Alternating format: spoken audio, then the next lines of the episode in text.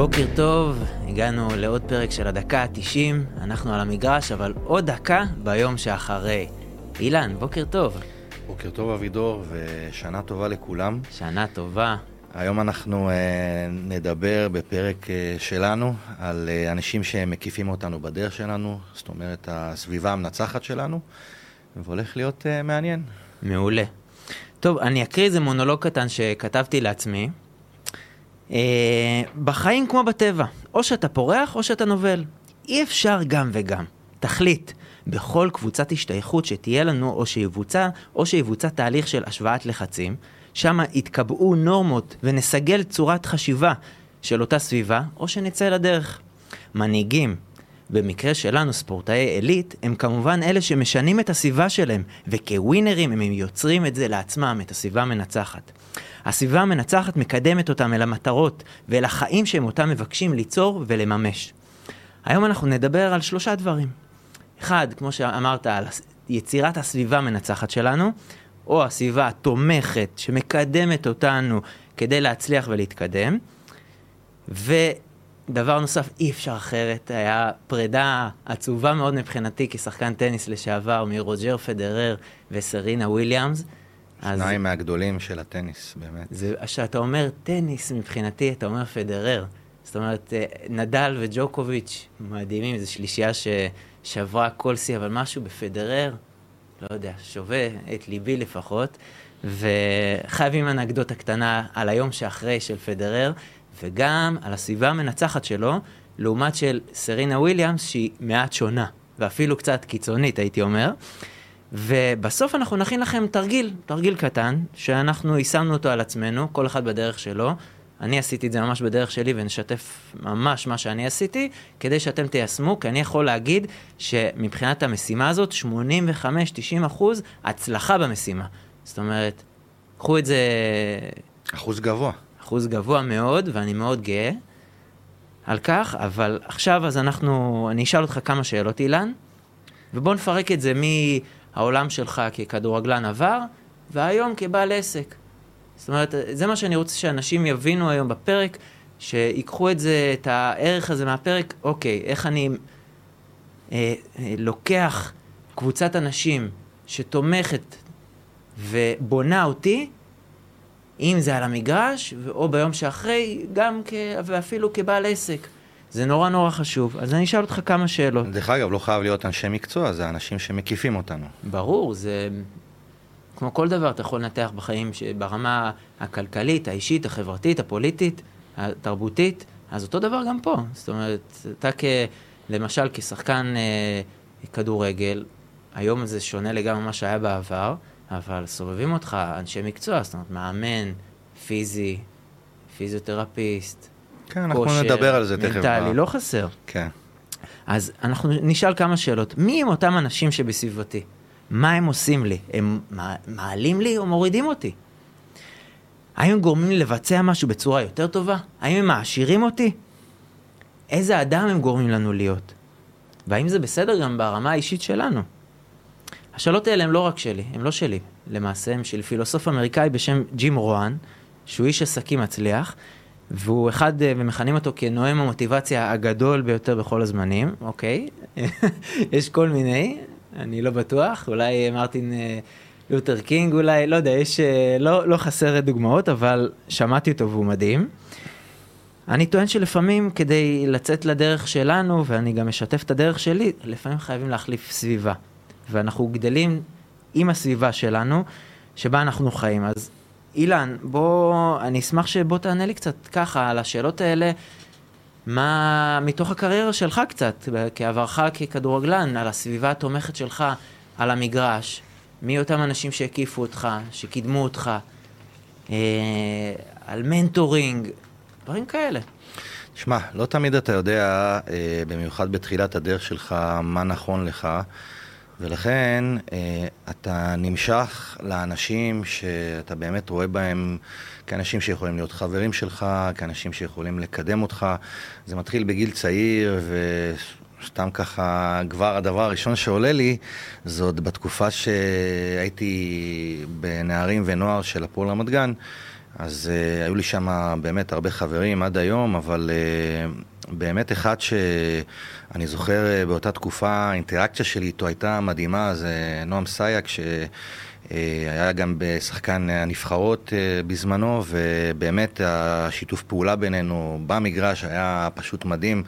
אה, כבשתי הרבה שערים בתקופה שלי בנוער, ואני יכול להגיד שרוב הבישולים, רוב הבישולים זה היו בישולים שלו. זאת אומרת, ממש היה, היה בינינו אה, אה, באמת אה, משהו מדהים, וזה גם, אה, אתה יודע, זה גם משהו שפרח מחוץ למגרש, ואז, אתה יודע, יש לך קריירה, ואתה בונה את עצמך ומסתכל על האנשים הקרובים.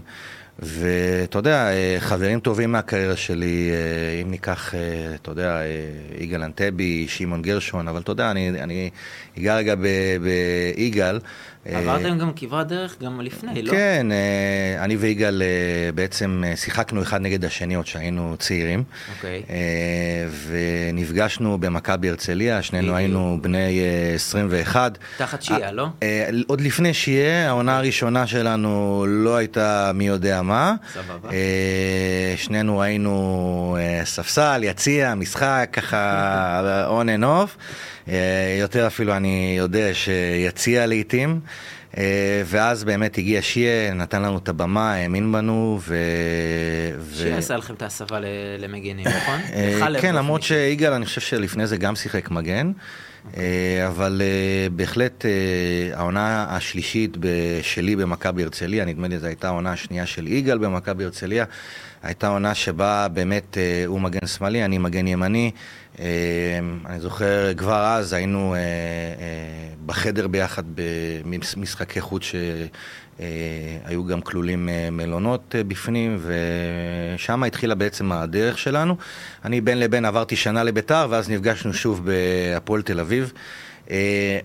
אני יכול להגיד, מה מדהים עם יגאל זה שאתה... רואה מישהו שרואה בדרך שלך, מישהו שחווה את החוויות שלך באותה עמדה, אבל השאיפות שלנו היו דומות, ואני זוכר... לכל אורך, השנים היינו מאתגרים את עצמנו, אם זה, ב, סתם לצורך הדוגמה, אימוני כושר, פארטלק, אה, היו מבקשים מאיתנו כמגינים שעושים את הקילומטראז' הזה על הקווים, אה, להגיע טיפה אה, יותר מהר מהאחרים. ואני זוכר ששנינו ביחד מדרבנים אחד את השני במגרש עצמו, זה אפילו לא היה צריך לדבר על זה בשביל לבוא ולעשות את זה. ואתה יודע, אז שאתה רואה במגרש שיש איזשהו סינכרון בינינו, זה גם, זה לא משהו שדיברנו עליו, זה היה באופן טבעי, זה, זה ידעת... בגלל ש... שהסתובבתם אחד עם השני הרבה, אה? אני אגיד, יש איזושהי נקודה ספציפית, יש איזושהי דרישה ממגנים, שאתה רואה את המגן בצד השני עולה, ואז אתה אומר לעצמך, אתה צריך להישאר. אני חושב שהסינכרון הזה, הטבעי, ביני לבין יגאל, היה כזה... שידעתי שגם אם יגאל עכשיו נמצא למעלה והוא רואה שמהלך המשחק עובר לצד שלי, אה, אה, אתה יודע, יש לשחקנים את החשש, הוא יחזור, לא יחזור. אז פה לא היה לי את החשש, הייתי יודע שהסינכרון ביני לבין יגאל הוא היה כזה, שהיינו מאוד מאוד סומכים אחד על השני, וזה משהו שהוא אה, אה, לא מובן מאליו. ואתה יודע, עוד פעם, אה, בכלל, אם אנחנו מדברים על התקופה הזאת של הפועל תל אביב, אז... היה לנו פרק מיוחד על זה, אה? לגמרי, אבל... מה היה שם, זאת אומרת, מבחינת סביבה באמת מנצחת? תשמע, כך... אני רק אגיד את זה, כי אני פשוט זוכר מהתקופה. אתה חיית את הקבוצה, אבל עדיין מבחוץ, אז, אז היו את החבר'ה הוותיקים, ואותך ואת שמעון, וניקח עוד יותר ותיקים, את שלום תקווה ויעקב הלל, ולעומת זאת את כל התינוקות קשטן, so called. אז תראה, לדוגמה... אפק, כבודי, אתה יודע. אודי כפיר ופיני בלילי. אודי, כן, כן, כן. כן, אז אה, אם ניקח את תינוקות קשטן, אוקיי. אז אה, תראה, ברור שעיקר ההצלחה היא לדרור, אוקיי? שנתן להם את הבמה והאמין בהם ודחף אותם וצעק עליהם, כידוע, אה, לדרור. אבל תשמע, אני חושב שתוכנית קשטן, תינוקות קשטן זה סוג של תוכנית מנטורינג, כי גם... אה, ללא העזרה של החבר'ה היותר בוגרים, באמת אה, שלום ויעקב, ו, וכל החבר'ה בביניים, אה, זה אני, שמעון, יגאל, שביט ו, ו, וכל השאר, זה באמת משהו שנרקם. אני לצורך העניין יכול לספר ממש בקטנה על זה שאני הייתי מנטור של עמרי אפק, לצורך העניין, המון המון שיחות עם עמרי. שבשנה הראשונה שלו בהפועל תל אביב, עד אמצע השנה כמעט ולא שיחק, ופתאום אה, התחיל לשחק ופרץ. אתה ו... זוכר שהאמת שהוא התחיל איפשהו בכנף ימין וירד לקראת סוף הקריירה, אפילו גם שהוא שיחק גם בראסינג סנטנדר כמוך, שיחק גם מגן ימיני. אה, פחות, עמרי ידוע כשחקן התקפה. אני יודע, אבל הוא אה, ירד להגנה בסוף כן, הקריירה. ב- במקרים מסוימים, אבל אה, אה, באמת, עמרי אה, חווה חוויה, הוא עשה אה, פריצה במכבי יפו, הגיע לפועל תל אביב, לא שיחק עד מחזור 20, ואז פתאום עושה דאבל עם עונה מטורפת, נותן את שער האליפות, אתה יודע, אז אה, אני זוכר את השיחות בינינו, ובאמת... היה לו עוגן, היה לו עוגן, וזה משהו שהוא מאוד מאוד חשוב, ואתה יודע שיש עוגן כזה, אז זה באמת, זו סביבה מנצחת. זה, הוא ידע לבוא ולדבר עם מישהו שעבר איזושהי דרך כמו שלו, ויודע מהי החשיבות במישהו שישים לך את המראה מול הפנים, ו, וזה דבר מאוד מדברים, מאוד יש הרבה, חשוב. הרבה כתבות עכשיו, אתה יודע, שאומרים ש... הלוואי, אנחנו לא יודעים מה קורה בחדר הלבשה, אני גם לא רוצה להניח הנחות, אבל שזהבי ואוסקר גלוך זה בול מתאים לתוכנית mentoring. ואני לא מתפלא, תראה, רן זהבי עבר אה, אימון מנטלי במהלך הדרך שלו אצל... אה, אצל אה, אה, הלל, שכבר לא נמצא איתנו, יגאל הלל, אה, זיכרונו לברכה, ו, וזה ווין ווין, ווין ווין. אה, תראה, כשערן יודע שיש לו בחור צעיר כזה שמשחק לידו, והם רוצים ביחד את ההצלחה של מכבי תל אביב, אז מן הסתם זה ווין ווין. אבל בוא נחזור רגע, באמת, אה, נגעת ביעקב הלל ושלום תקווה, באמת שניים, באמת, אגדות. אה, אגדות, חבל על הזמן. אם ניקח את יעקב הלל למשל, אז אה, אני זוכר את יעקב בשנה של אירופה. אה, לא שיחק יותר מדי. לא שיחק יותר מדי, אבל כשהוא היה נכנס, נכון. היית יכול לסמוך עליו. ואני לגמרי. יכול להגיד משהו על יעקב, באמת... איזה קולבויניק. קולבויניק, אבל יאמר לזכותו. כל הזמן תמך, בטוב, ברע, אתה היית רואה בן אדם, מה היה אומר לך? תראה, אה, יאללה אילן, ו- ואתה יודע, מעודד, ו- והיית רואה אותו גם מהספסל, ולפני משחקים, ובא ומחבק אנשים, ואתה יודע, הקטנה הזאת, היא, היא ההרגשה שבן אדם צריך לקבל, שפתאום אתה עולה למגרש, פתאום יעקב אומר לך, יאללה היום, וזה, אתה יודע, באמת, מעבר לדחיפה של המאמן, של הצוות המקצועי, אתה יודע, אה, אה, רון ציבלין גם היה שם, ו- ובכלל, כל האנשים שהקיפו את הקבוצה הזאת, הדברים הקטנים האלה עשו את זה באמת, באמת בענק. ואז, אני אגיד לך משהו, אחרי השנה של אירופה הגעתי לראסינג סנטנדר. אוקיי. ושם פגשתי, אה, אה, הייתי שם עם יוסי בניון כמובן, אבל שם פגשתי שחקן באמת, וואו, פדרו מוניטיס, ש... או, שיחק ריאל מדריד. שיחק בריאל מדריד, ו... נכון, היה לו תקופה, אם אני לא טועה, היה עבר מראסינג לריאל, ואז חזר בהשאלה. כן, הוא שיחק אה, לפי נכון? דעתי משהו כמו, אם אני לא טועה, ש... שלוש שנים בריאל מדריד. לא, הוא היה אחד הסילונים. אגב, לפני שנה שיחק פה בקלאסיקו של ברצלונה ריאל מדריד. אנקדוטה קלה, פה נעצור שנייה משהו קטן, ואז תמשיך את הסיפור, כי זה היה אחד הדברים ההזויים, אני אספר איזה משהו. אני בערב, אה, אילן לא יכל אה, לבוא, בדיוק היה לקראת טיסה, כל פעם שאני מנסה להזמין אותך לאירוע אתה טס, זה מטורף. עכשיו היה ערב גאלה, אה, מגניב, על הגג של עיריית תל אביב. טוב, אתה רואה את כל הכוכבים, כוכבי העבר של ריאל מדריד וברצלונה, באתי להתקרב לשולחן, רוברטו קרלוס, איקר קסיאס, לואיס פיגו, תשמע, שמות, ואני כמו פסיכופת אומר, איפה פדרו מוניטיס? אנשים לא מבינים אותי, מה, מי, מי זה הדבר הזה? אז אני ככה שיננתי כמה משפטים פורטוגזית, ככה התחבבתי על רוברטו קרלוס, גנב לי את הטלפון, עשינו איזה סלפי ככה, דיברנו קצת, גם קסיאס. ו... ואז אני עושה, טוב חבר'ה, איפה מוניטיס? טוב, לא זיהיתי אותו בכלל, השתנה לחלוטין. ואז אני עושה לו, פדרו, אני חייב להפתיע אותך עכשיו. חבר טוב שלי ושותף שלי לדרך, שאנחנו נדבר על זה גם חלק מהסביבה המנצחת, אז שיחק איתך, אילן בכר. או, כן בליבי, טה-טה-טם. אני בא שולף באמצע ערב גאלה, מתקשר אליך וידאו, בקושי קליטה, ואני רואה את השמחה על העיניים של שניכם. כן, פדרו מדהים. ר- רגע, רגע אדיר, לא הפסקתי לצחוק שם, כל השולחן של ריאל מדריד, הסתכלו עליי, צחקו, לא האמינו שמה אגב, קורה הוא פה. מאמן היום, היום הוא מאמן, אה, בחור מקצוען, באמת, וראיתי את זה כבר איך אז. נסעת את... אז בוא, בוא נחזור לחדר ההלבשה. כן, ראיתי את זה אז. אתה יודע, אה, אני חושב שהשוק הראשון שלי בקטע הזה, זה שראיתי אחרי משחק את ההתנהלות שלו גם במשחק עצמו, אחרי המשחק, וגם יום אחרי המשחק. אתה רואה בן אדם פשוט מאוד מתנהל ברמה שכמו שמדברים היום על רונלדו וההתנהלות שלו, ממש ככה. אתה רואה בן אדם, אה, ניקח יום אחרי משחק, הבן אדם מגיע לאימון שחרור, הוא מגיע שעה לפני כולם, ולא עושה יותר מדי, כן, אימון שחרור זה אימון שחרור כשמו הוא, ועדיין, אתה אותו אה, נכנס ל... יש, היה לנו אז שם אמבטיה מים קרים, אמבטיית קרח, אמבטיית מים חמים, ג'קוזי. אתה רואה את הבן אדם במשך שעה ממש נאמן לעצמו.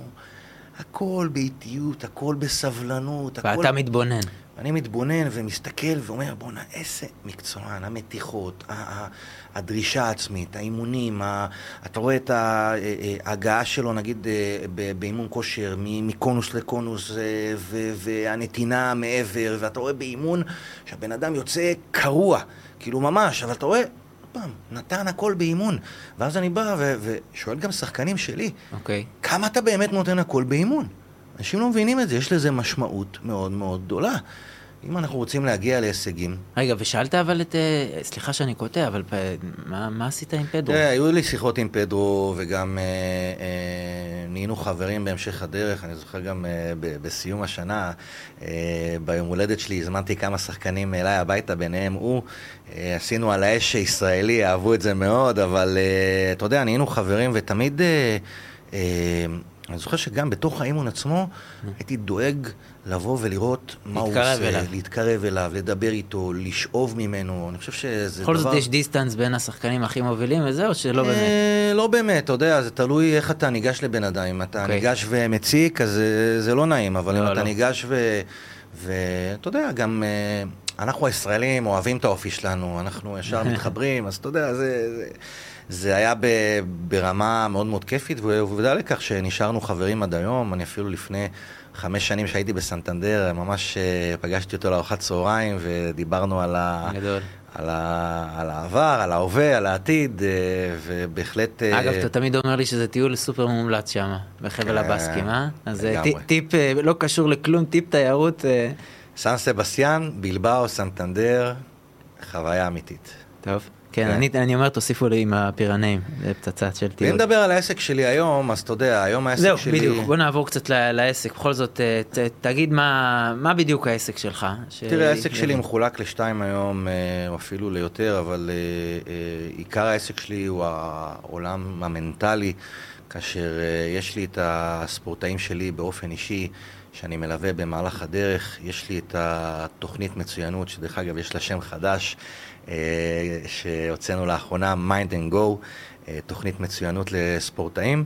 ויש לנו גם uh, תוכניות uh, של הרצאות, סדנאות וליווי גם לחברה הערבית וגם uh, לחברה היהודית. ו... ובכל מקרה, העסק שלי צריך המון המון אנשים שילוו אותו, אז כמובן נתחיל ב... כל האנשים שמקיפים אותי, אה, בין אם זה המרצים והמאמנים שעובדים איתי בתוכנית מצוינות, אה, באמת אנשים שאנחנו אה, פוגשים קודם כל, נפגשים, רואים מהי האג'נדה, מהי הדרך, מדברים קצת. זה לא יאללה בוא אתה אצלי ותודה שלום. איך אתה, בוח, איך אתה בוחר את המאמנים? תראה, אני, אני עובד בשיתוף פעולה עם חברת ספורטדוק, המרכז לפסיכולוגיית הספורט, כבר כמה שנים, דוקטור אלן כץ והבן שלה אריאל. אה, שיתוף פעולה מאוד מאוד פורה. אה, וגם אה, עם הזמן, אתה יודע, התחלנו לעבוד גם עם פסיכולוגים, בעלי תארים, שגם הכנסנו לתוכנית, ואני חושב שזה מאוד מאוד חשוב, להכניס אנשים טובים, אז באמת, ואיתי תמיד יהיו אנשים שרוצים להיות, והם אנשים טובים, הם בראייה קדימה, ויש כבוד הדדי, זה דבר שהוא מאוד מאוד חשוב. בנוסף, אתה יודע, אה, אה, יועץ עסקי שמלווה אותי, אה, במקרה שלי זה חבר ילדות, דוד מלניק, שבאמת מלווה אותי במהלך הדרך, וחשוב לי תמיד לשמוע, אני ביקשתי ממנו שיגיד לי רק את האמת תמיד, כדי שאני אדע בדיוק איפה אני עומד, וזה מאוד מאוד חשוב. רואה חשבון שמלווה אותי עוד מהתקופה שלי בראסינג סנטנדר, זה אבי ניסן, שבאמת עושה עבודה נפלאה. אה, ונותן לי תמיד את ה, גם את הדברים האמיתיים כמו שהם. אה, וכמובן, אה, בשנתיים האחרונות יש לי עורך דין חדש שמלווה אותי. מי זה? אבידור לפיד, מכיר אותו? אז מלווה אותי וגם שותף שלי, זה אנשים טובים בדרך. שמה, ומן הסתם, אני לא אשכח כמובן את, ה, את החבר'ה המנהלים, מנהלי פרויקטים, מן הסתם אני אדגיש כמובן את, אה, את אבישי רגב ואת אה, חן שאיתנו בפרויקט כבר שש שנים. ועוד חבר'ה חדשים שנכנסים ומצטרפים אלינו, אז בהחלט... כן, אני מכיר את, את כולם, כי אני מלווה את הפרויקט הזה, את כל החשיבה, גם העסקית של הפרויקט וגם את ה... את כן, ה... אתה יודע... גם את הליווי המנטלי, אני מצטרף הרבה פעמים לישיבות שלכם, ואז אני באמת רואה מה עושים שם, ולא רק אה, כותב איזה הסכם מסוים, זאת אומרת, אני רואה איך זה נבנה, ואיך זה עובר לעיר, עיר, עיר, ומה התוכנית העסקית סביב כל עיר, ואיך נכנסים, ואיך מתברגים, ומי האנשים, ומנהלי הספורט בכל עירייה למשל. כן, זאת אומרת, זה דבר גם, הרבה גם קשר יותר... מאוד מאוד חשוב איתם. כן. אה, סתם דוגמה, בחברה הערבית, אה, כמובן יש את אה, אסלאם, כנען, ש... חבר שלי גם מהמגרש וגם מהשיתוף פעולה בינינו, הוא מדהים, אה, ואנחנו עושים דברים מאוד מאוד יפים. דיברת על זה שאני נכנסתי, אז הנה, נשתף אתכם. תשמעו, אני כשעבדתי במשרדים הגדולים, ועבדתי באמת במשרדים הכי גדולים בישראל, אם זה ב-KPMG, בסומך חייקין, בעיריית חשבון, עריכת דין, גורניצקי, מקומות באמת ממש ממש ממש נחשבים. אבל בסופו של דבר הרגשתי, אני משתף אתכם משהו מאוד מאוד אישי, אבל הרגשתי כמו הפקיד של העשירים, של עשירי ישראל. בסופו של דבר אלו סוגי הלקוחות. אתם יכולים לחשוב ולתקתק בגוגל לבד מי הם הלקוחות, אתם מיד אה, תמצאו את השמנה והסלטה של, אה, של ישראל. אבל בסופו של דבר אני הרגשתי שאני לא מגשים את עצמי. וכשהיה לי, זוכר שסיפרתי על הסיפור על המטוס, אז הבנתי, ואיך שפגשתי שחקן נבחרת, הבנתי שאני צריך לעשות את השינוי ש, שלי בחיים, ומעבר לזה שאני פותח משרד עורכי דין, שיהיה לי נישה שהיא מאוד מאוד ייחודית ושונה, שהיא באה מאהבה מאוד גדולה לספורט.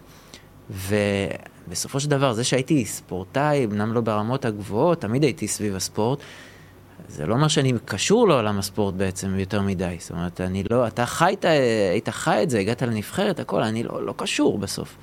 ואיך אני עושה את זה? אז אמרתי, טוב, איך אני מתחבר למישהו שהוא היה שם, שיש לנו איזה חיבור שהוא לא תחרות, אלא השלמה אחד עם השני.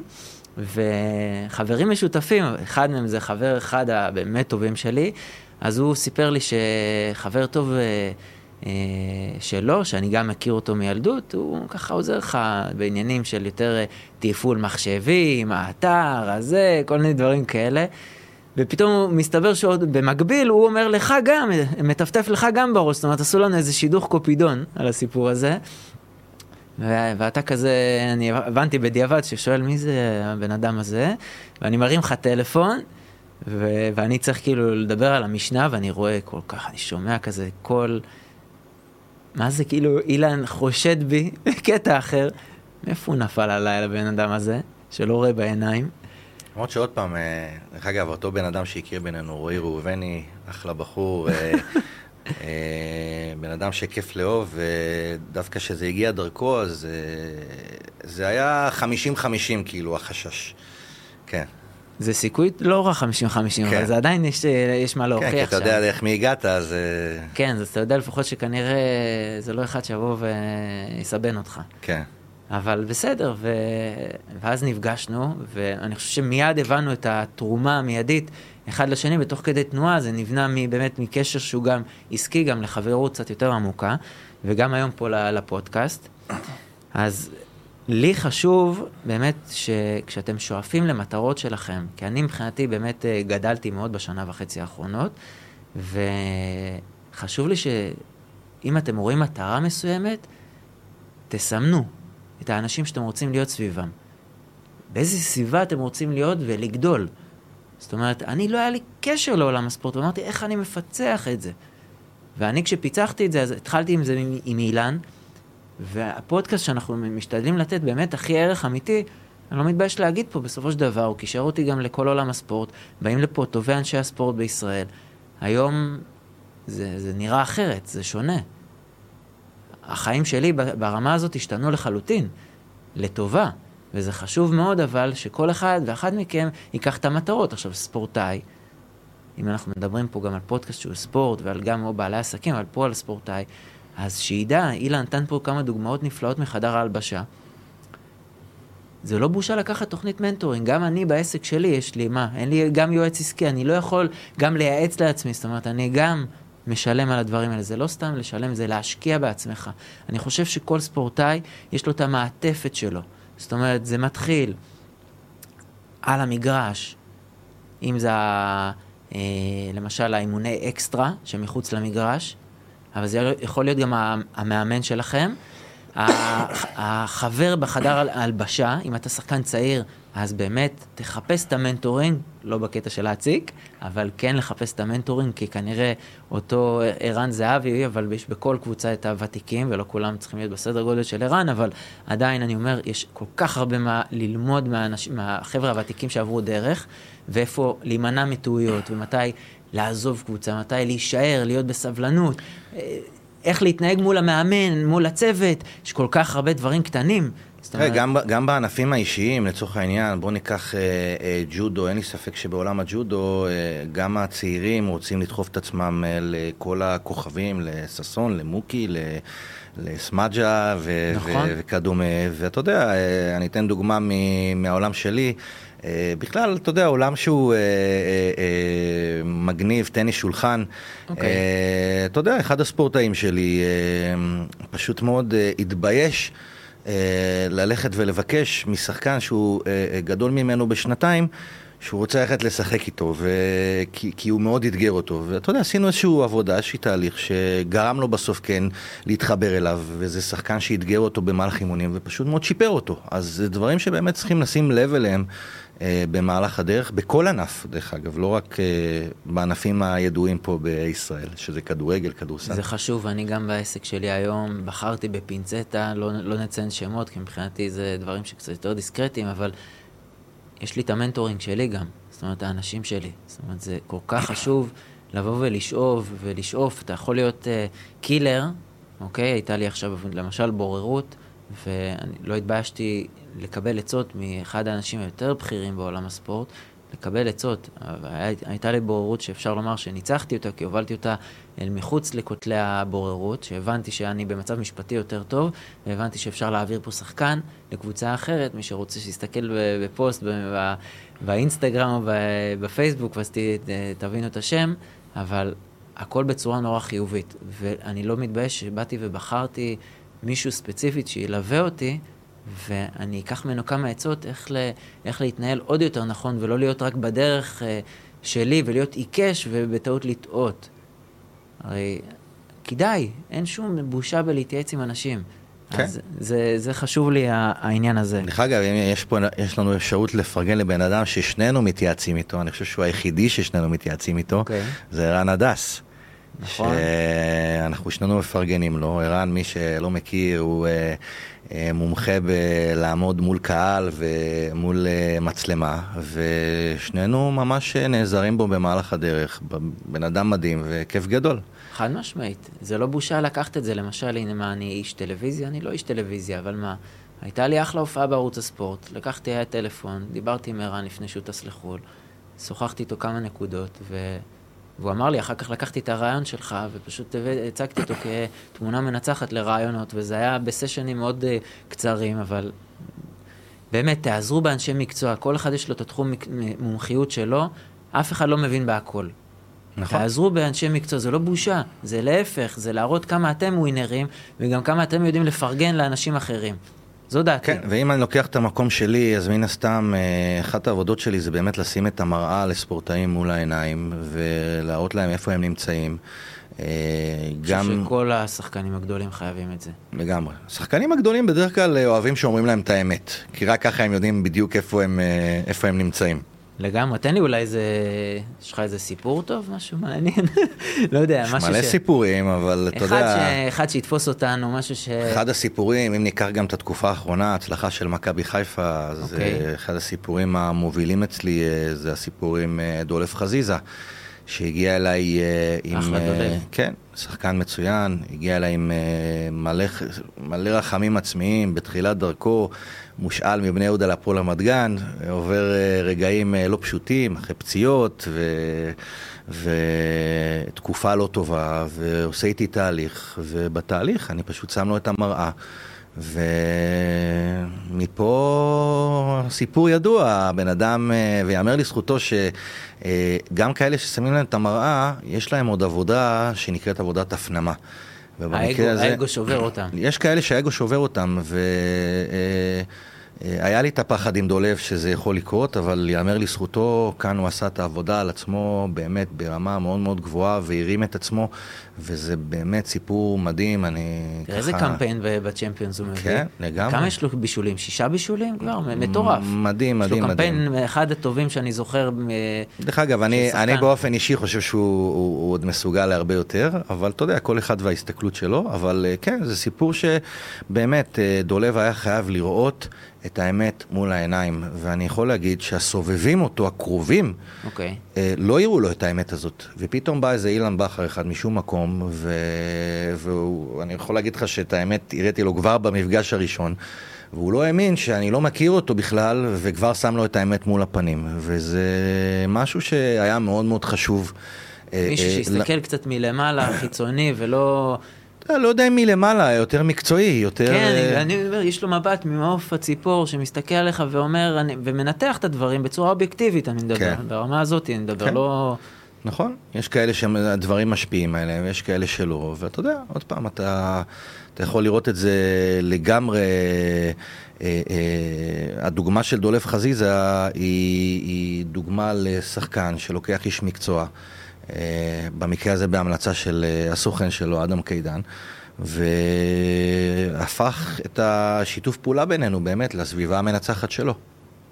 לגמרי. עכשיו בוא נדבר, אה, נעבור קצת לנושא אחר שאותי מאוד ריגש בשבועות האחרונים, ואני אקשר את זה גם טיפה לסביבה המנצחת, הפרישה של רוג'ר פדרר וסרינה וויליאמס, שאני אומר עוד פעם, טניס, אני אומר, בעבר זה היה, היו אומרים סמפרס אגסי. היום זה התחלף, זה, היום זה, זה פדרר, ואז יש גם את נדל ג'וקוביץ'. כן, זה, תראה, זה עניין של תקופות, אתה יודע, אני... לגמרי, אבל עכשיו... אני, אני לא אוהב, אני לא אוהב שעושים השוואות. זה לא יעזור, אתה אומר כדורסל, אתה מיד חושב מייקל ג'ורדן. כן, אבל אתה יודע... פדרר שמה. כן. פדרר, מבחינתי, אני רואה את פדרר, זה מגדול הספורטאים בכל הזמנים, הוא גדול מהענף, במידה מסוימת. זאת אומרת, הוא, הוא איזה סימבול, הוא משהו באמת גדול מהחיים. זה, כמו שמייקל ג'ורדן, אני רואה, שמסי כזה. תראה, כי הוא בתקופה שלך, אבידור. מנסים לעשות השוואות, למשל, אני בתור ילד, בין פלא, בין פלא למסי או למרדונה או לרונלדו. אי אפשר, אי אפשר, לא זה תקופות אחרות, זה משחק אחר. אה, אה, זה כמו שאתה יודע, החבר'ה שאמרת לפני זה, סמפרס ואגסי, אז גם לפני זה הייתה תקופה כן, של אה, מקנרו, בורג, לנדל, ואפילו אחד שככה אני מאוד אהבתי, ג'ימי קונוס. אוקיי. אתה מבין? אגדי. אבל אתה יודע, זה תקופות אחרות, אז כל בן אדם, נגיד בן אדם בגיל שלך, עדיין מקנרו, ראיתי בריאיון ממש שלשום, בא ואמר, שהוא, כשהוא צפה בפדרר, והוא אמר לפדרר את זה בפנים, אני כאילו הרגשתי ש...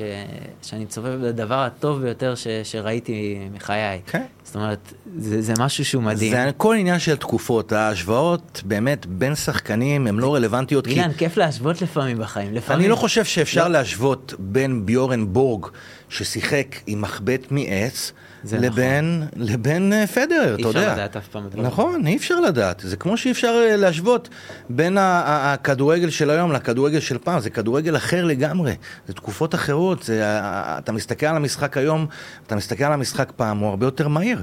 כן. אתה יודע, סתם דוגמה מה, מה, מהמקצוע שלי, סתם לצורך הדוגמה, אה, אם ניגע בעולם הכדורגל למשל, אוקיי? כמות הפעולות שנעשית היום במשחק, היא פי כמה וכמה ממה שהיה לפני 20, 30 ו-40 שנה. אני מדבר איתך על יותר פעולות נקודתיות במשחק, וזה אה, אה, מריץ את המשחק למקום הרבה יותר מהר, וגם גורם לחשיבה להיות הרבה יותר מהירה. אם אתה תראה משחקים של פעם, אה, יוהאן קרויף האגדי, אתה רואה שלפעמים הוא היה מתחיל מהלך בחצי הליכה. אין דברים כאלה היום, זה, זה מטורף, אתה מבין? למרות שאומרים, סתם אני, משהו קטן, על מסי למשל, הוא רץ, לא, הוא לא רץ יותר מדי, אבל אתה ראית את כמות המבטים שלו, הוא מזז מימינה, שמאלה, ימינה, הוא קורא את המגרש, הוא וצ'אבי, זו תכונה זה, מאוד דומה. זה זה פודקאסט בפני עצמו על ראיית משחק. לגמרי. אתה יודע מה, ואני רוצה לתת לך איזה חידון, קצת, אה, הכנתי איזה חידון קצר. אתה תנחש, אני יודע מה, אתה... בוא נראה אותך. אוקיי. חידון קצר. על השוואה בין סרינה וויליאמס לרוג'ר פדרר, בוא נראה אותך. יאללה. אז מי פרש בגיל יותר מבוגר, סרינה או רוג'ר? וואו.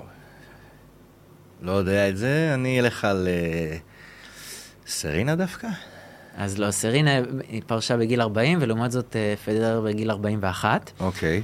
אה, למי יש יותר גרנד סלאמס? פדר? אז, אה, אז גם מהתשובה פה אתה כרגע לא כל כך פוגע, אבל פדרר עם 20, אוקיי. לעומת זאת אה, סרינה עם 23 תארים יפה שאתה יודע את כל הדברים. האלה. טוב, זה... ככה רשמתי את זה לפניי, אוקיי. אבל למי יש יותר תארים אישיים? נראה לי לפדרר. אז יש פה פער, וגם האנקדוטה קטנה, אז יש פה פער, לדעתי, רשמתי על עצמי 103 תארים לעומת 73 תארים, אז יש פה אה, הפרש ניכר. מהמם. משהו קטן, שאני עוצר בחידון, שתבין, את- אתה זוכר את העונות של שיקגו בולס הגדולה? אוקיי. שהיה להם את ה-72-10, או למשל עכשיו היה את ה-73-9 של אה, גולדן סטייט. תבינו את המספרים האלה, פדרר עשה לבד. באמצע שנות האלפיים, הוא היה עושה כאלה נתונים. זאת אומרת, הוא היה משחק באזור ה-100 משחקים בעונה, והיו לו, הייתה איזו עונה אחת קיצונית שהוא הפסיד רק ש- שש פעמים. משהו מטורף. בשנה. בשנה. הוא היה הולך לאיזה 20 טורנירים, כמו מטורף, ומשחק פשוט לכיף. אנשים נגמרים מזה מבחינה פיזית. תחשוב, זה, זה אתה, אתה לבד עם עצמך כן, ו- בטניס. ו- ועוד וכל שאלה- משחק זה שלוש שעות. כן, ועוד שאלה שמעניינת פה, אם כבר העלית את זה, זה מתי נעשה ההפסד? אתה יודע, יכול להיות לך הפסד בגמר, יכול להיות לך הפסד בחצי גמר, וברבע גמר, ועשית דרך, כאילו. בדיוק. מבין? זה כאילו... זה לא עכשיו הפסדת בסיבוב הראשון, זה, זה דרך. אוקיי, מי הרוויח יותר? אה, נראה לי פדר, אבל לא רק, גם בגלל הפרסומות וכל הדברים האלה, לא? אז, אז רק מטניס, הכנסות מטניס, 130, כ-130 מיליון, וואו. לעומת זאת אה, של פדרר, לעומת זאת כ-95 מיליון, 94.8 של אה, סרינה וויליאמס. מדהים. אה, כן, ומבחינת אה, מספר שבועות במקום הראשון, אז אני יכול אה, גם להגיד לך פה, אתה יודע מה תנחש? מי היה יותר? במקום הראשון? כן, מי יותר? נראה בב- לי סרינה. אז גם שמה, אה, זה כתוב לי, אה, אבל, אה, כי לא כתבתי לי את זה פה, אבל עדיין שמה פדרר גם אה, עקף אותה. אוקיי. אני ראיתי עכשיו, למרות שהיו לו יריבים אה, מטורפים, אה, כן. היא לא היה לה כל כך יריבות באיזשהו שלב, נכון? ש... אני, אשל... אני אשלים את זה, תסתכל, מה, מה, מה הבושה? אני אבוא ואני אסתכל ב... אני אסתכל אפילו בזה שלי. אז לא, אני, פה אני טועה דווקא, לא, כי לא רשמתי לי את זה בזה, אבל 319, תבין את- הפער. הייתה תקופה שהיה חוסר תחרות מוחלטת בטניס הנשים, וסרינה פשוט קראה והשאירה אבק לכל השאר, ובעצם היו 319 שבועות שהייתה במקום הראשון, לעומת 310. של אה, פדרר, וזה לדעתי מעצים עוד יותר את פדרר, כן. כי וסרינה קצת היא, היא, היא הייתה כל כך דומיננטית, גם פיזית, גם ביכולות שלה. פדרר התמודד, תשמע, אני אקח אותך אחורה, אני זוכר כשעוד שהייתי משחק בגיל 18, הוא התמודד מול שחקנים כמו לייטון יואיט, למשל, כן. שהיה מקום ראשון בעולם. והיה את uh, מורת ספין, זוכר, גם זה שפגש, זוכר באותה תקופה, לא רחוק הוא, אז uh, כשליאור אליהו שיחק בטאו ויטוריה, זוכר שמורת ספין גם הגיע לישראל, היה את כן. הסיפור הזה בפודקאסט. אז התמודד מול, אתה יודע, העידן שלפני נדל ופדרר. תשמע, דיברת נדל מקודם, וג'וקוביץ'. דיברת מקודם על הרווחים של סרינה, וזה מדהים, אתה יודע, אה, יצא לאחרונה סרט אה, על ה... קינג ריצ'רד עם קינג וויל ריצ'רד, סמית. כן, על הדרך שהם עשו, ואשכרה האבא כאילו בנה את המפלצת הזאת, שפשוט אה, דרסה את עולם הטניס הנשי. אז יש פה שתי דוגמאות נפלאות אה, שהן שונות לחלוטין מבחינת הראייה האסטרטגית של קריירה של ספורטאי. אנחנו רואים מצד אחד את אה, סרינה וויליאמס שהייתה מוקפת, בעיקר סרינה וונוס, אחותה הגדולה, אז היו מוקפות אה, על ידי אבא שלהם. שהוא היה, אנשים גם רואים את זה בסרט, שהוא היה, זה היה קצת חולני. הוא היה גורר אותה מהבוקר עד הלילה לחבוט בכדורים, והיה מסתכל באיפה שקלטות ומה שלא יכול להיות, הוא היה מנסה ללמד אותם, וגרר אותם לאימונים אישיים אה, אצל המאמנים של פיט סמפרס וכדומה, אבל כאילו, אתה רואה מישהו שבשליטה בלעדית. אוקיי? שליטה בלעדית בקריירה, לעומת זאת, אצל פדרר, אתה רואה משהו אחר, זאת אומרת, הרבה אנשי מקצוע שסובבים אותו, ולעומת זאת, שם היה שם שליטה אבסולוטית עד, עד שלבים כמעט מאוחרים של הקריירה, עד שהיא הייתה ממש כבר מותג, ו, והיא באמת אז כבר החלה להקיף עצמה אנשים ש, שישמשו לדרך, אבל עד שלבים די מאוחרים, אבא שלה שלט בקריירה שלה ושל ונוס, כשהיה שם ציטוט ענק בסרט, שרואים את, אה, את אה, ונוס וויליאמס ככה ממש בגילאים צעירים, 15, 16, מתמודדת בגמר טורניר מול המדורגת המקום הראשון בעולם, ואתה רואה את, את סרינה, ככה עם אש בעיניים, נכנסת לאצטדיון שבו ישוחק הגמר, וככה, אתה לא יודע אם היא מקנאה, או. כאילו, או שיש בה אש בעיניים, ועם דמעות. ואז מגיע אל האבא שלה, ריצ'ארד, שזה משחק במשחק מדהים, וויל, וויל סמית זכה באוסקר, ואז אתה זוכר גם את המקרה עם קריס רוק שם על הסתירה המצלצלת, אז הוא נתן לה סוג של סתירה מצלצלת לסרינה והעיר אותה, ואמר לה, תקשיבי, אני בונה פה תוכנית, וכל כל, כל הסרט הוא מגיש לכל איש מקצוע, מגיש את התוכנית וכולם מזלזלים בו.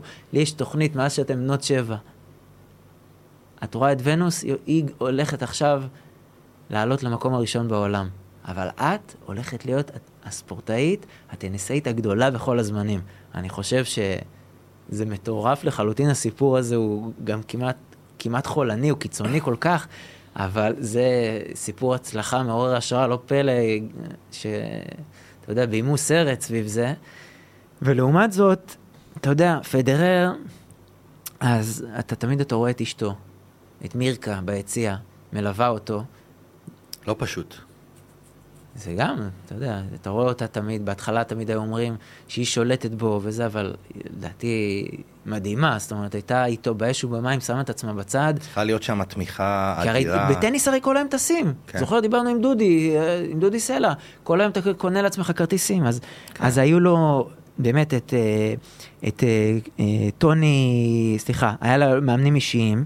שהיו לו גם את אה, איוון אה, יוביצ'יץ', שהוא אימן אותו מ-2016, וזאת אומרת, ששינה לו את הקריירה, אבל לפני כן היה לו את פייר פגאני, שליווה אותו כבר מגילאים מאוד מאוד צעירים, עד לגמרים אפילו הגדולים, זאת אומרת, היה לו כמה מאמנים בארסנל, הוא לא התבייש לקחת כמה מאמנים, וכל אחד ש, שהביא משהו, אספקט אחר, הרי יובצ'יץ' היה שחקן שהיה מדורג מקום שלישי בעולם, אוקיי? איוון יובצ'יץ'. והוא לקח אותו, זאת אומרת, הוא לקח כמה מאמנים שכל אחד ישפר אספקט מסוים. Mm-hmm. פדרר טיפה שינה את המשחק שלו, אתה יודע, מגיל ה-31 פלוס, הוא היה חייב לשנות בסופו של דבר כדי להתמודד בגמרים הגדולים, אתה יודע, בסופו של דבר, 2017, כן. היה לו גמרים ענקיים מול אה, ג'וקוביץ' וכדומה. אז זה היה מדהים, ובנוסף, כמובן היה לו את הסוכנים שלו. סוכן שלו, למשל, טוני גוסטיק, אז הוא סידר לו את כל הספונסר שיפ. רולקס וכדומה, אז אתה יודע, 49 מיליון, זאת אומרת, אתה צריך 49 מיליון אירו רק מספונסר שיפ. מעבר לזה שאתה יודע, הוא, הוא הרוויח פשוט מאות מיליונים, והיום יש לו מיזמים, ויש לו את היועצים הפיננסיים שלו, זאת אומרת, נורא נורא חשוב להקיף את עצמך באנשי מקצוע. דבר אחרון להיום, אילן, בוא נעשה תרגיל לשנה החדשה. אנחנו פה שנה טובה לקראת ראש השנה, בדיוק. אנחנו בסוף שבוע, סוף שבוע סוגרים את השבוע בטוב. אני רוצה שכל אחד ואחת מכם תיקחו בסוף הפרק דף ועט, תכתבו לעצמכם מכתב. אני עשיתי את זה.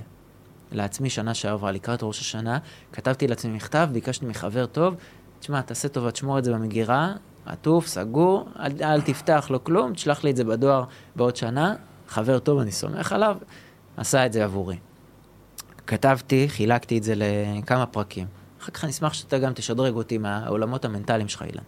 אבל אני לקחתי את זה ככה, אמרתי, טוב, בסופו של דבר העסק שלי בנוי כבר שלוש שנים, ואתה כל פעם אתה רוצה לגדול יותר, ואתה רוצה להשתפר, אבל כבעל עסק נורא גם קל להיגרר למקומות לא נכונים גם ברמה האישית. זאת אומרת, אתה עובד, עובד, עובד, עובד, עובד, ואני עובד, אילן, אתה יודע כמה אני עובד כמו... פסיכופת בשעות מטורפות ו... ועושה multitasking אה, די מטורף, ואמרתי לעצמי, אוקיי, אז בואו נכתוב לעצמי מכתב התחייבות, אוקיי? לשנה החדשה. אז ברמה ה... העסקית אמרתי לעצמי, אוקיי, אני קובע לעצמי יעד, אוקיי, של גובה אה, גובה משכורת, לא משכורת, רווחים בעסק. אני הצלחתי להגדיל את העסק שלי פי שתיים. המטרה שלי גם עכשיו, עוד פעם, לשנה הקרובה, אני הולך גם לעשות את זה היום, לכתוב את המכתב. אז באתי והצלחתי פה. אמרתי לעצמי, וזה היה, תבין, זה היה ממש, אתה יודע מה, אתה יודע, טיפה טיפה לפני ראש השנה, כי זה היה לפני שהקמנו את הפודקאסט. Mm-hmm. אמרתי, אני הולך להקים פודקאסט, היה לי חלום כבר הרבה זמן. בהתחלה חשבתי לעשות פודקאסט משפטי ולהביא את אה, אנשי המשפט הכי חזקים, אבל אמרתי, בוא נשלב את זה. כי בכל זאת היו פה כמה עורכי דין חזקים מאוד. Okay. כן. אמרתי, בוא נשלב את זה, נביא את כל אנשי הספורט הכי חזקים. אז זה היה ממש, זה היה, כבר הכרנו, עשינו כבר דברים במשותף, כבר ליוויתי גם את הפרויקט, אבל אמרתי, מה אנחנו עושים? מקימים פודקאסט ומארחים פה את אנשי הספורט הטובים ביותר. אז שימו לב מי היה פה, ואנחנו, בסופו של דבר, הגשמתי גם את המטרה הזאת. וגם ברמה של החיים האישיים, מה אני רוצה עם, עם אשתי, עם הילדים שלי. איך אני רוצה להיות אבא יותר טוב, בסופו של דבר. אמרתי, אפשר להישאב כל כך, אתה יודע, לעסק שלך, בטח בתחילת הדרך, שאתה רק מפתח את המנגנונים, ו- ואתה אומר לעצמך, אוקיי, אני צריך את העוד פרילנס, ואני צריך את העוד עובד. זאת אומרת, אתה חייב להקיף את עצמך כדי להציל סמכויות. דבר אחד שלא הצלחתי, למשל, אתה יודע, כי החיים דינמיים, אי אפשר להצליח הכל. אז ב-2020, בדיוק בעונת הקורונה, שם גם יצאתי לדרך, אז uh, היו לי כרטיסים לאריק קלפטון. סיפרתי לך, אני בתור אחד שגם מנגן, אז היה לנו אמור להיות, אבל היו כל הסגרים. ועוד פעם, 2021, עוד פעם סגר. ואני אומר, רק שלא יתפגר לי, כבר אומרים כתבות שהוא מאבד את השמיעה שלו. ואני אומר, עוד פעם, טוב, ואז אני בא לפה, ועוד פעם ככה, סליחה שאני אומר, מתחרבן לי עוד פעם הנסיעה הזאת, נראה, נתפוס אותו במקום אחר. אז מן הסתם לא הכל מתגשם, אבל אתם חייבים לקבוע לעצמכם יעדים. אם אתה בעל עסק ששומע, מה היעדים לעסק שלכם, איך להיות אימא או אבא יותר טובים, ההתמודדות מול הילדים. זאת אומרת, אני היום מגיע למצב שמול מה שהייתי במשרדים הגדולים שסיפרתי, אני הרבה יותר עם הילדים שלי. אני לוקח אותם לחוגים. מצד שני, אני יודע שיש שעות בלילה שאתה צריך להשלים את זה, ואתה צריך לבוא ולערוך הסכמים גם בלילה, גם כשאתה כבר לא במשרד. זאת אומרת, אין לך ברירה.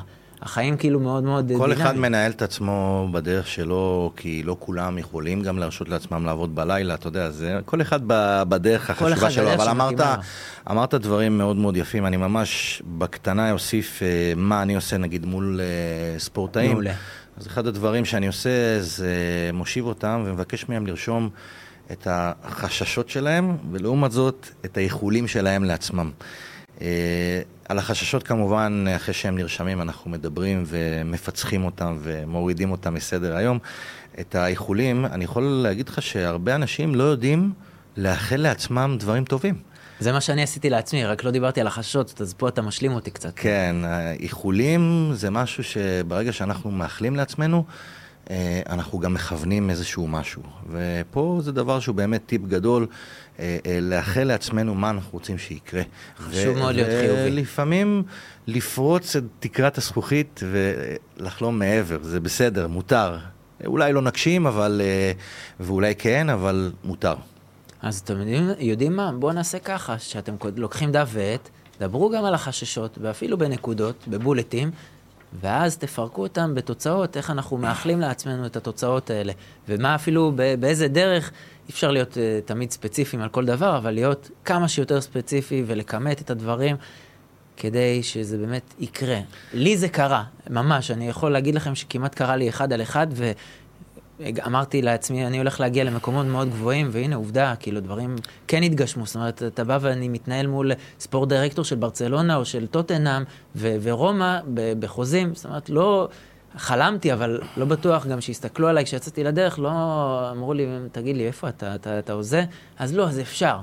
כן. אפשר נאחל, לעשות את זה. נאחל לכולם, באמת, ששנה טובה. שנה ש... מדהימה. שיקיפו את עצמם באמת אנשים טובים.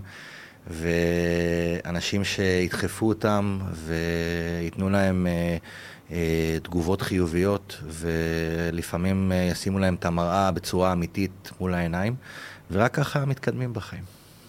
לגמרי, שנה טובה, מתוקה, ויאללה, האזנה נעימה, וגם תשמעו את הפרקים הקודמים, אני חושב שפרק, יחד עם הפרק הזה, חייבים לשמוע את שריקת הפתיחה שלנו לעונה הקרובה. אני חושב שיש שם כל כך הרבה טיפים ותובנות. ועל מעברים של שחקנים לחו"ל, ובדיוק אנחנו רואים את כל תקופת אה, חזרת הליגיונרים. תאזינו לפרק הזה, חיבור מדהים לפרק הזה של בניית מטרות, מהי. זה מאוד מאוד מזכיר כאן את הפרק הזה, אתם חייבים לשמוע אותו במקביל, ושנה טובה ומתוקה, אני מאחל לכולם. גם לך, אילן, במיוחד, אח שלי. שנה טובה.